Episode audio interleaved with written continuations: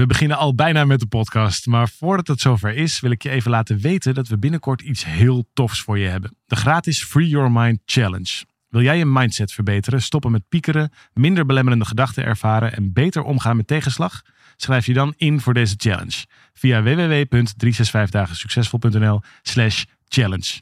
Het is van 26 mei tot en met 29 mei en ik heb er heel veel zin in. We beginnen nu met de podcast.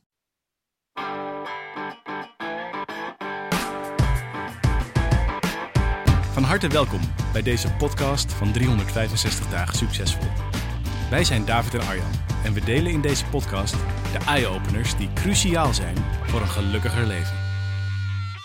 Van harte welkom bij deze nieuwe podcast van 365 dagen succesvol. Tegenover mij staat David, ik ben Arjan en we gaan het in deze podcast met je hebben over iemand die ons leven heeft veranderd en waar we onwaarschijnlijke lessen van hebben geleerd die we ook de jaren daarna in onze boeken, in onze opleidingen, op allerlei manieren met mensen delen. En nog steeds elke dag, als we vastlopen, als er dingen zijn waar we niet uitkomen, of juist als we mooie kansen zien, dan denken we aan deze man, die ons daar eh, een aantal leidraden in heeft gegeven, waar we nog elke dag profijt van hebben, waar we elke dag dankbaar voor zijn.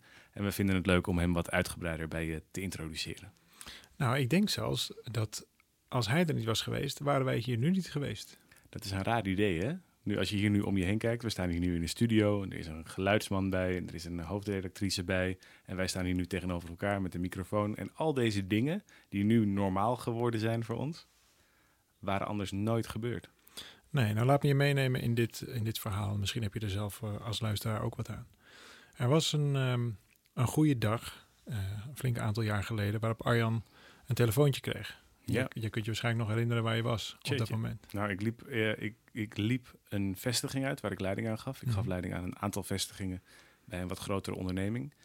En die vestiging zat in Haarlem aan het uh, stationsplein toen nog. Inmiddels Mhm. niet meer, nu zitten ze ergens anders. Dat plein was in verbouwing. Het was een beetje troosteloze bende. En het was een zomerse dag, maar ondertussen was het miserig en grijs. En nou ja, uh, als je er een film over zou maken, had ik ook zo'n dag uitgekozen, zeg maar. Ja. Want mijn telefoon ging. En ik liep daar naar buiten en ik was met hele andere dingen in mijn hoofd. En ik zag uh, op mijn scherm dat het Jip was die belde. Dus ik vond dat leuk, want Jip is altijd gezellig en vrolijk. En ik had hem vlak daarvoor aangenomen om in een nieuwe vestiging van ons in uh, Rotterdam aan de slag te gaan voor ons. En daar uh, aan het werk te gaan en de, onze nou ja, business uit te breiden, zou je kunnen zeggen. Alleen hij nam op of ik nam hem op en aan de eerste woorden die hij tegen me zei, merkte ik al aan zijn stem dat er iets niet klopte. En wat hij toen tegen me zei, en dat is heel raar, hè, want ik heb in mijn leven honderdduizend telefoongesprekken gevoerd en de meeste heb ik echt geen enkele fractie van een herinnering aan. Laat staan deze, dat je nog weet waar je was. Maar ja. deze weet ik gewoon precies nog. Ik weet precies waar ik stond, ik weet precies hoe het voor me eruit zag, hoe de bussen daar stonden, de reclameborden die ik zag, de wolken in de lucht. En uh, hij zei tegen me, Arjan, ik loop nu bij de dokter vandaan. En jij bent de eerste die ik bel. Um, want er zit kanker in mijn arm. En nou ja, hij ging daar meteen, hij stapte eigenlijk daar meteen overheen, want hij maakte het onmiddellijk praktisch. Hij zei, nou, en daarom kan ik waarschijnlijk niet komen werken over uh, uh, volgende week, mm -hmm. als we zouden beginnen. Want uh, ik ga behandelingen in, zei hij. En ik was echt met mijn mond vol tanden. Uh, dus ik had een beetje de, de eerste cliché-reacties van, oh jee, wat erg en wat nu en uh, hoe, gaat het, hoe gaat het met je en wat kan ik voor je doen, nou, dat soort dingen. Uh, maar ondertussen wist ik ook helemaal niet hoe ik hier nou precies mee om moest gaan. En dat is op zich wonderlijk, want ik werkte ook bij datzelfde bedrijf. Wij hadden inmiddels al duizenden mensen in dienst gehad in ja.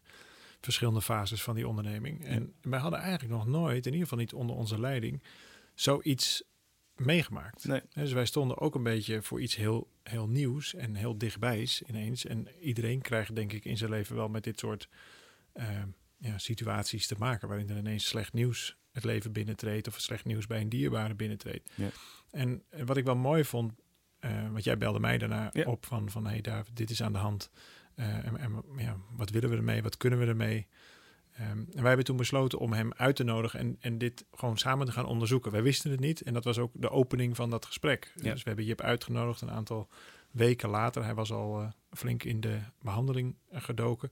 En, um, en hij, hij, had een taxi genomen vanaf het uh, Centraal Station in, in Haarlem naar onze hoofdvestiging, die daar wat verderop zat. Eh, anders dan aan het stationplein. En dan moest hij even voor met een taxi. En wij stonden buiten te wachten. Het weer was al een stuk beter. Ik kan me herinneren dat de zon scheen. En die taxi stopt en hij stapt uit uit die taxi. Hij had een groen glimmend trainingspak aan met een grote eh, gouden ketting erop met een dollarteken eraan. En, eh, en inmiddels een kale kop. En hij stapt uit en dat was mijn allereerste ontmoeting met Jip. En wij waren een beetje in de war daarvan, toch? Enorm in de war, want ik had, me, presence. ik had me voorgenomen, of tenminste me voorgesteld, dat het wel eens een ja, verdrietige middag zou kunnen worden. Of in ieder geval iets, eh, iets zwaars. Ik, ik kan mezelf herinneren dat ik nog eh, tissues in de vergaderzaal had gezet. Een vergaderkamertje had gezet voor, voor, voor het geval dat. Ja. En eh, hij stapt die, die taxi uit, hij stelt zich voor. Hij zegt, hey, jij moet eh, David zijn. Eh, ik ben Jip Keizer. Ik heb altijd al een keer gabber willen zijn. En dit was een buitenkantie. Ja. Ja, en vanaf dat moment... En zo Omdat hij zo met zijn trainingspak en zijn glimmende kop Ja. zo, net zo uitzag als een klassieke als party animal. Ja, En, en, en daar liet hij in ieder geval... nou, dat was de eerste ontmoeting die ik met, met hem had. En ik, ik heb er heel veel meer van, daarna van mogen genieten. Maar daar liet hij in ieder geval zien dat hij op een bepaalde manier ermee omging. Eh, het, het maakt het voor ons in ieder geval eh, nog veel interessanter. Want ja, we wilden op, op wat voor manier dan ook bijdragen daaraan. En we wisten ook nog niet zo goed hoe. Maar hij gaf heel duidelijk richting daaraan. Dus nou, wat gebeurde er? Wij gingen in die, in die dat vergaderkamertje zitten. En we raakten in een heel tof gesprek met elkaar eigenlijk. Eh, Hoe naar die situatie ook was. Hij, hij had heel duidelijk de leiding genomen over... Nou ja, weet je, dit is mij overkomen. Hij noemde het zelfs... Joh, ik heb een cadeau gekregen waar ik niet op zat te wachten. En dan kan ik twee dingen doen. Ik kan dat cadeau uitpakken. Ik kan gewoon eens kijken wat, dat, wat, dat, wat daar dan in zit. Want het is wel een buitenkans, zoals hij eerder al zei. Of ik kan heel erg in gevecht gaan met dat cadeau. Want natuurlijk had ik dat cadeau liever niet willen hebben. Maar ja, ik heb het nou eenmaal. Ja. Dus het cadeau wegdoen is geen optie. Alleen niet uitpakken is nog wel een optie. Nou, Ja. Hij koos duidelijk voor het uitpakken van dat cadeau. Hij heeft er later ook nog een interessant boekje over geschreven. Kanker is een cadeau. En een van die dingen die hij daar uithaalde, en dat was voor ons nog een veel grotere verrassing, is, hè, want wij wilden hem graag steunen en we hadden een contract voor onbepaalde tijd, hadden we voor hem eh, klaar, klaargelegd. Zo van, joh, wij gaan er gewoon van uit dat je weer beter wordt. En toen zei hij tegen ons, nou, ik heb honderd dingen op een lijst gezet. Ik zou graag nog honderd dingen willen doen in mijn leven, hoe lang of kort het ook duurt. En jullie staan daar niet op. Nee, dat was toen best wel een... We zaten natuurlijk in die managementbubbel van ons en we vonden dat we dat zo goed mogelijk deden. We probeerden dat ook met alles wat we wisten Tuurlijk. en konden. En toen vonden we zo'n contract voor onbepaalde tijd een heel mooi symbolisch ding en een, een ding van vertrouwen. En eigenlijk kregen we daartoe zo'n pets in ons gezicht van ja jongens, jullie doen lekker zo belangrijk met je bedrijf en je carrière en je targets en al die dingen. Ja. Maar dat is misschien niet waar het werkelijk over gaat. Nee, dat was eigenlijk de eerste speldeprik in die bubbel van eh, dat wij wel vonden dat we een aardige route aan het lopen waren in ons leven. Nou ja, lang verhaal kort. ehm, hij is in mijn wereld in ieder geval heel erg opgestaan. Hij heeft slecht nieuws gekregen, maar hij heeft het ontvangen als: hé, hey, wacht eens even, mijn, mijn leven is misschien wel eh, korter dan bij menigeen, maar het is voor mij ook een teken, en ik, ik heb het dan over Jip, eh, ook een teken om er misschien nog wel veel meer, of in ieder geval veel bewuster iets van te maken. Nou ja, dat, maar dat ging hij al doen vanaf het moment van die diagnose. Dat is eigenlijk Absoluut. wel wonderlijk, want het was helemaal niet per se eh, toen de tijd meteen duidelijk dat dat voor hem ook terminaal zou worden en Nee. dat hij eraan zou eh, overlijden. In eerste instantie was het een route van behandelingen. En toch koos hij er meteen voor, niet om dat dan uit te zitten en vervolgens weer terug te gaan in het leven waar hij nou eenmaal in zat, Ja. maar om het eh, om die nieuwe realiteit, o- o- zo- om het zo maar te noemen, met alle akeligheden en Ja. eh, toestanden die erbij horen, ellende die erbij hoort, om die nieuwe realiteit niet te bevechten. En dat vond ik zo'n wonderlijke. Ik merkte aan mezelf dat ik daar echt ook een beetje van in de war was. Omdat ik zelf gewend was dat vaak op het moment dat dingen als iets tegen zit of als je een keer slecht nieuws kreeg. Nou, ik had dat zelf toen de tijd ook nog met mijn suikerziekte. Wat Ja. natuurlijk, weet je, dat is een heel ander level van ziek zijn dan wanneer je kanker hebt. Dat begrijp ik ook. Maar tegelijkertijd was dat in mijn leven iets waar ik nog heel erg mee in gevecht was. Dat ik het eigenlijk niet wilde accepteren dat ik daar mee te dealen had. En bij hem leek het alsof hij die hele fase van weerstand oversloeg. En alsof hij zei van ja, dit is nu de realiteit. En hier ga ik het dan vervolgens mee doen. Nou, en dat was, zo'n, eh, dat was voor mij zo'n eye-opener. Van hey, zo kun je blijkbaar ook met het lot omgaan of met tegenslag omgaan. Dat je niet probeert om te doen alsof het er niet is, of er omheen te leven, of het, het eh, eh, hoe noem je dat, te negeren in je leven. Ja. Maar dat je het echt binnenlaat. Ja, dit is nu de situatie en hoe gaan we met die situatie om? Dat was in ieder geval zijn hele nou ja, krachtige, ik wilde zeggen positieve, maar dat is misschien niet helemaal het goede woord. Maar het, het, want weet je, met, met positief zou je namelijk nog kunnen zeggen, ik maak het leuker dan het is. Dat is eigenlijk niet Ja. wat ik bedoel. Want het was natuurlijk alles behalve leuk. Maar het was, nou- ja, precies. Maar het was, het was in ieder geval de situatie zoals die op dat moment was. En, en daarbinnen lagen hele bijzondere dingen. Nou, een van die dingen die die is gaan doen, is inderdaad die lijst van 100 dingen, gewoon van boven naar beneden, hè, de bucketlist, is die gaan uitvoeren. En, en daar is een, een- tussen Jip en mij een hele bijzondere vriendschap uit eh, gegroeid. En heeft ons, Arjan en mij, enorm eh, geïnspireerd om ook echt te gaan doen wat we wilden doen. Hij Hij zei had er letterlijk... best wel bijzondere dingen had hij op dat lijstje staan, toch? Hij, had er, hij wilde nog een lange reis met zijn vader maken, met de auto hij naar gedaan. Afrika. Heeft hij is gaan doen. Hij wilde eh, op televisie wilde hij veel mensen inspireren, dat is hij gaan doen. Zeker. Hij wilde op scholen, wilde hij kinderen inspireren en bereiken om Ja. het maximale uit hun leven te halen. Dat is, die hij gaan doen. Ja. Dus hij, heeft, hij wilde een boek schrijven. Nou, dat is, dat, ook dat is hij gaan doen. Dus het is zo. ehm, het, het was niet een soort vrijblijvend bucketlistje van zoals mensen dat misschien ook wel eens maken met eh, ik wil nog eens naar de Malediven of ik wil een keer een parachute springen. Maar het was eigenlijk bijna een. Ja. Eh, Toevallig stond parachutespringen er ook op. Is die ook gaan Is doen? die ook gaan ja, doen. Dat was heel grappig. Een van de laatste dingen. Het is ook het laatste shot wat, eh, wat ze van hem hebben gemaakt. Toen, hij, hij is bekend geworden door het programma Over Mijn Lijk. Misschien heb je het ook wel eens gezien.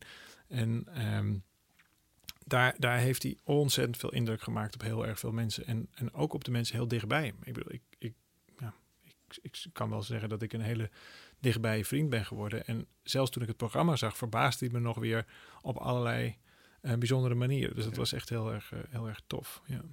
Hey, en toen heb jij op een gegeven moment zat je met hem in dat eh, koffietentje Mhm. ergens in Amsterdam Zuid. Klopt.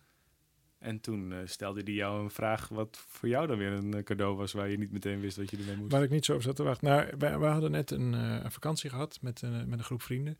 En dat was echt te gek. En hij was bij mij blijven slapen. We hadden een lange rit gemaakt terug naar huis. En de volgende ochtend zitten we inderdaad in een bekeltentje zitten wij, eh, te ontbijten. En ik had hem al veel zien schrijven op die vakantie. En nou, dat heb ik hem ook laten doen. Dat, ik heb hem daar niet op afgeleid. Hij was gewoon heel veel met zijn laptop dingen aan het typen. En nou, oké, prima. En toen schoof hij mij een envelop toe tijdens dat ontbijt. Met uh, het verzoek of ik zijn laatste woord wilde uh, voorlezen op zijn uh, begrafenis. En ja, ik was daar gewoon niet aan toe.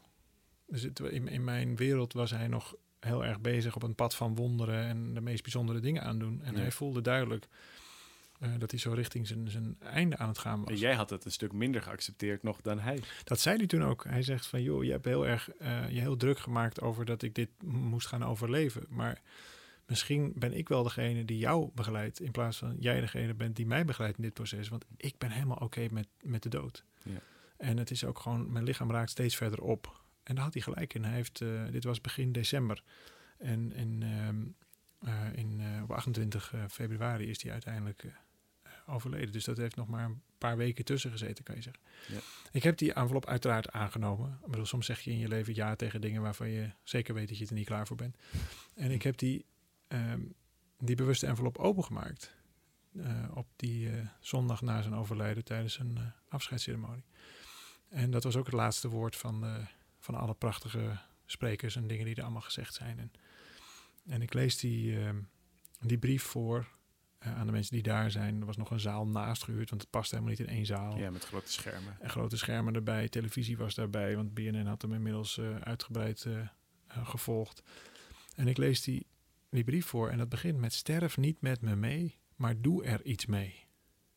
Sterf niet met me mee, want dan heb je er niets van begrepen. Sterf niet met me mee, want dan heb ik alsnog daar, als ik al vanuit de hemel zou kunnen kijken, heb ik er alsnog verdriet van.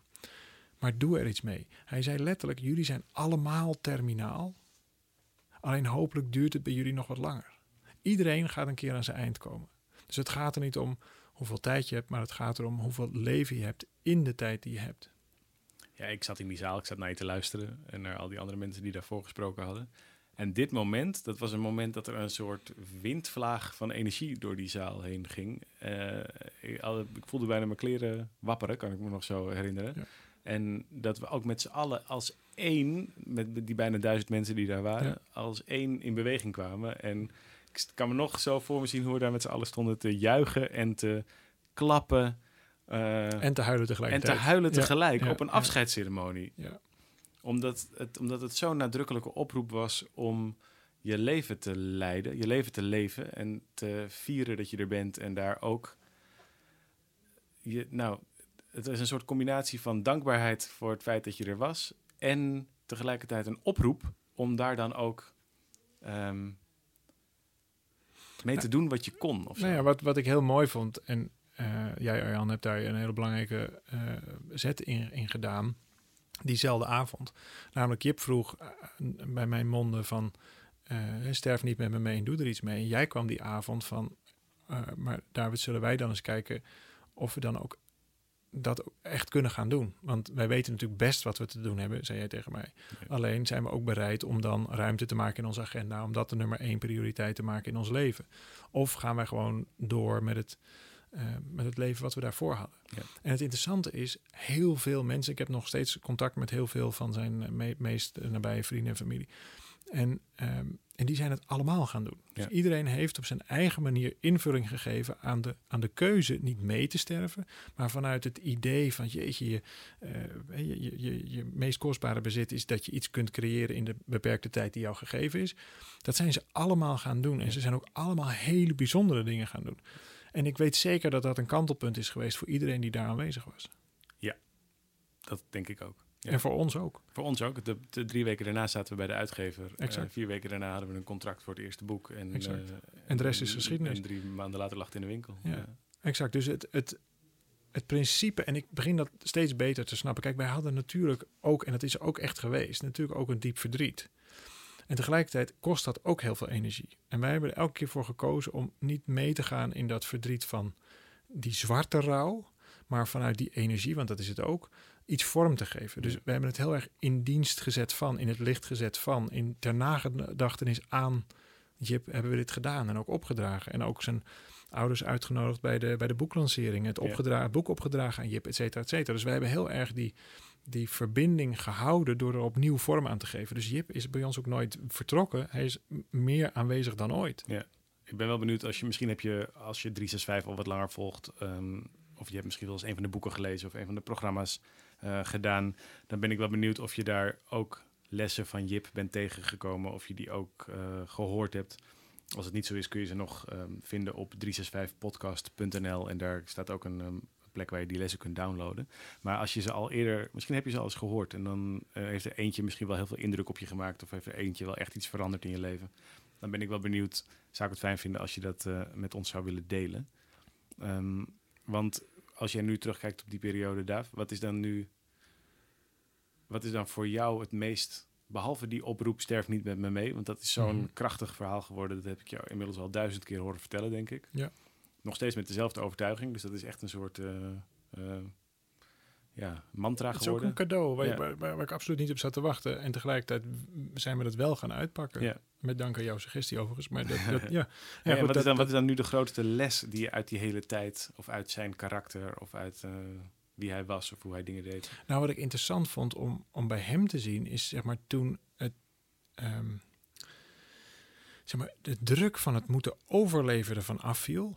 Namelijk, je leven wordt eindig. In zijn geval was het idee dat hij wat korter zou, zou leven. Hij had best wel een vergevorderd stadium van kanker. En dat duurde nog veel langer dan dat ze aanvankelijk hadden verwacht. Ja, hij wilde niet weten wat zijn Nee, hij wilde de eind, niet weten. was. Maar dat was. En hij heeft het ruim drie jaar eh, nog, nog volgehouden. Ja, Ehm, en in die tijd die hem gegeven was, ging hij inderdaad steeds bijzondere dingen doen.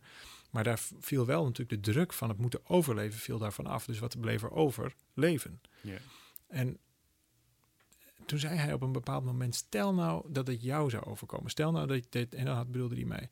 Stel nou dat het jou zou overkomen. ehm, en, en jij krijgt zo, zo'n soort nieuws. Hij zei: Ik hoop het niet, maar stel dat dat zo zou zijn. Ja. Zou je dan nog blijven doen wat je doet? Of zou dat ook dat soort best wel stevige keuzes opleveren? Ja. En dat heeft me ontzettend aan het denken gezet. En toch kwam ik toen niet in actie. Nee. Ik had wel heel erg het gevoel, en ik kreeg ook steeds meer beeld bij wat ik eigenlijk zou willen. Pas toen hij stierf, pas toen ik die brief voorlas, toen pas was die emotie zo sterk bij mij, dat ik bereid was om een nou ja, leventje wat ik daarvoor had opgebouwd, volledig op te, op te schuiven. Hij ziet het vaak volgens mij. Althans, wij zien het vaak bij mensen. We werken natuurlijk veel met mensen die graag iets willen veranderen in hun leven. Ja.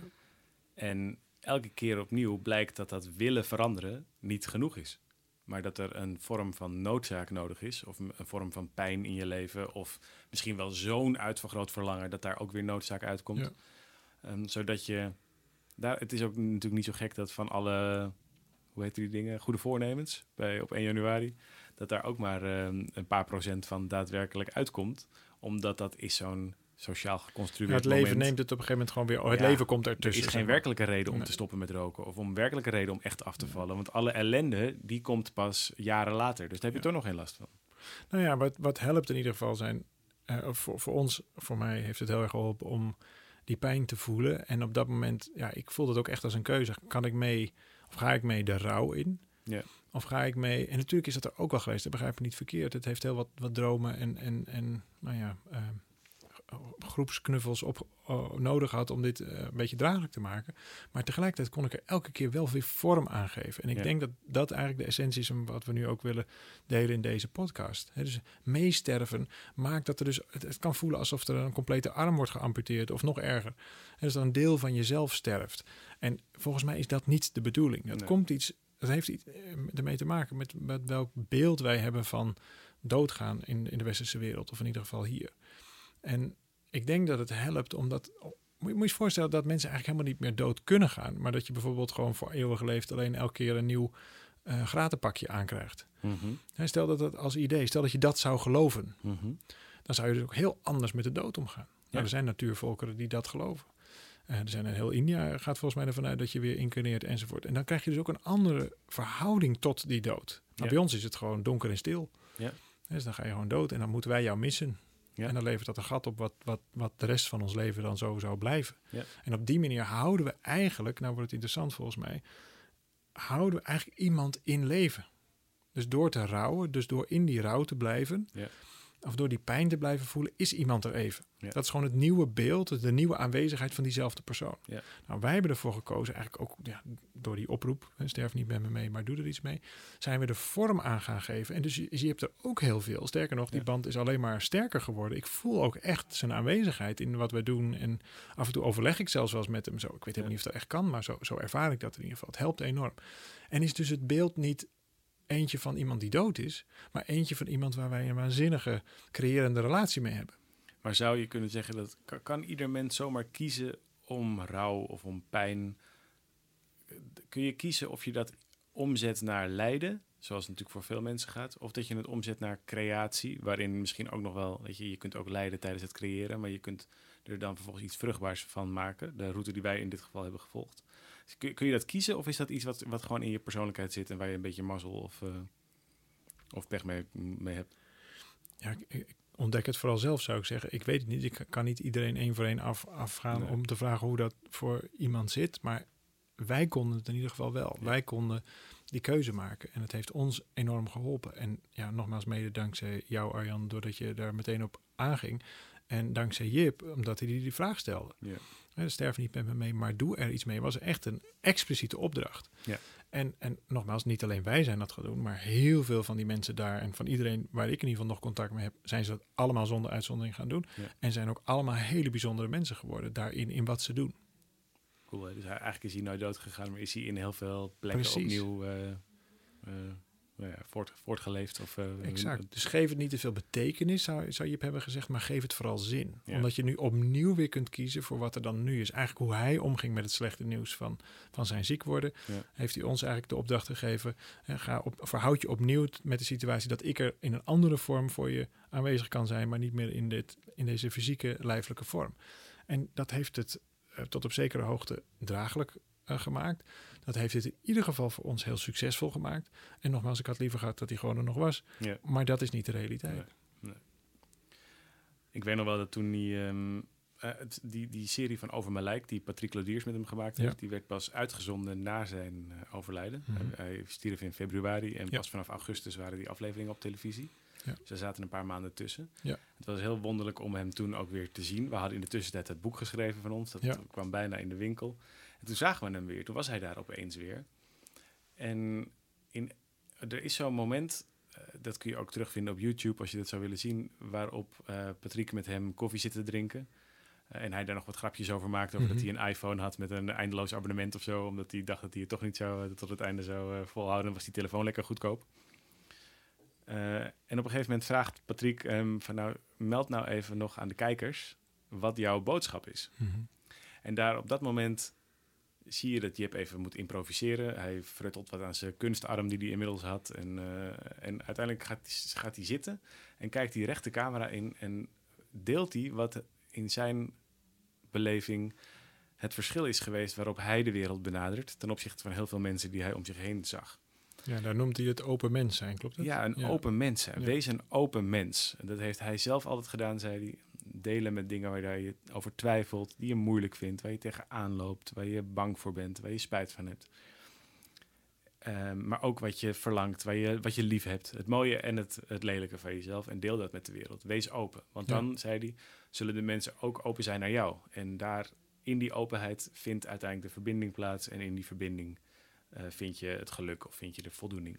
Het is heel wijs. Ik denk echt dat hij daar verse tijd vooruit was. Nou, in dat stuk. ik, in, In, ieder geval zijn leeftijd vooruit. Ja, zijn leeftijd vooruit, maar ook mij vooruit hoor. ja toen. mij ook. Ja, ik denk dat ik zeker. inmiddels best wel een open mens ben, maar, maar dat heeft wel een paar jaar, ehm, dat heeft wel een paar jaar geduurd. Want daar heb ik wel die lessen voor nodig gehad om eh, eh, eh, van hem ook, om dat, om in de gaten te hebben hoe fijn het eigenlijk is om gewoon wel te delen waar je mee zit, of om wel Ja. te mensen erin te betrekken als je iets lastig vindt. En dat en en nu als ik aan Jip denk, denk ik nog steeds, oh ja, open. Deel gewoon over wat er, eh, nou, wat je frustreert of wat je moeilijk vindt of graag wil. Maar misschien is het wel zo dat je dat er dat is misschien wat, wat ik bij hem heb gezien dat die last van het leven van hem afviel op het moment dat het ja, hij was, hij was echt bevrijd. Hè, dus op het moment dat het misschien niet meer hoeft te lukken, dan pas kan het lukken. Ja. Ik denk dat hij uit zijn relatief korte leven veel meer heeft gehaald dan menigeen uit een heel lang leven. Omdat hij een soort van bevrijd werd van, eh, ja, het moet nog ergens Conventies en het moet ergens moet naartoe. ergens naartoe of ik moet in ieder geval in een soort overleefmodus Ja. terechtkomen. Terwijl het werd echt heel succesvol en groot toen hij dat losliet. Dus Ja. daar zat een hele interessante paradox in.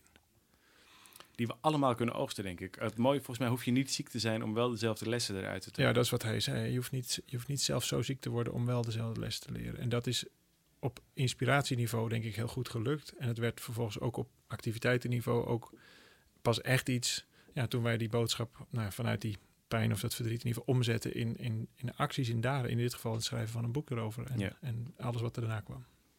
Dus nog steeds eh, Jip bedankt. Ja, mooi man. Ik hoop dat je in de Emel podcast kunnen, kunnen. Het zou mooi zijn. Een eh, wolk op een wolk. Dat, zou- dat zou mooi zijn. Ehm, zoals ik al zei, kun je meer over Jip lezen. Als je hem googelt eh, of in combinatie met 365 kom je veel eh, van hem tegen. Maar ook op 365podcast.nl vind je sowieso de belangrijkste lessen die, ons, ehm, die hij aan ons heeft achtergelaten. Eh, die kun je daar eh, downloaden en vinden. Daar kun je er meer over weten. Sowieso de oproep ook om eh, jouw verhaal, jouw ervaringen daarmee te delen. Dat kan zijn rechtstreeks aan de hand van de dingen die je van Jip of via ons van Jip hebt geleerd.